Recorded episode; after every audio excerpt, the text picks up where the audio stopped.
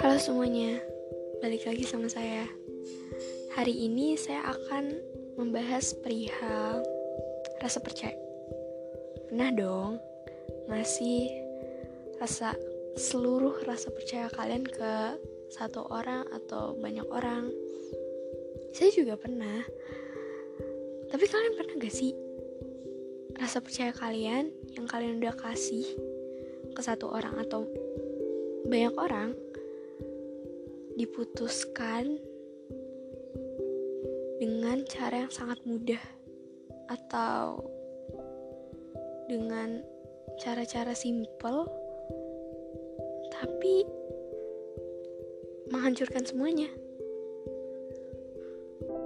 Jujur saya pernah dan itu sakit banget sih, parah. Dan gimana ya? Hmm, saya suka bingung aja sama orang-orang yang gampang banget mutusin rasa percaya yang udah dikasih ke mereka. Ya, bisa-bisanya. Tapi kan itu tergantung orang ya. Mungkin dia nggak nyaman atau gimana. Tapi selagi dikasih, kenapa nggak dihargain?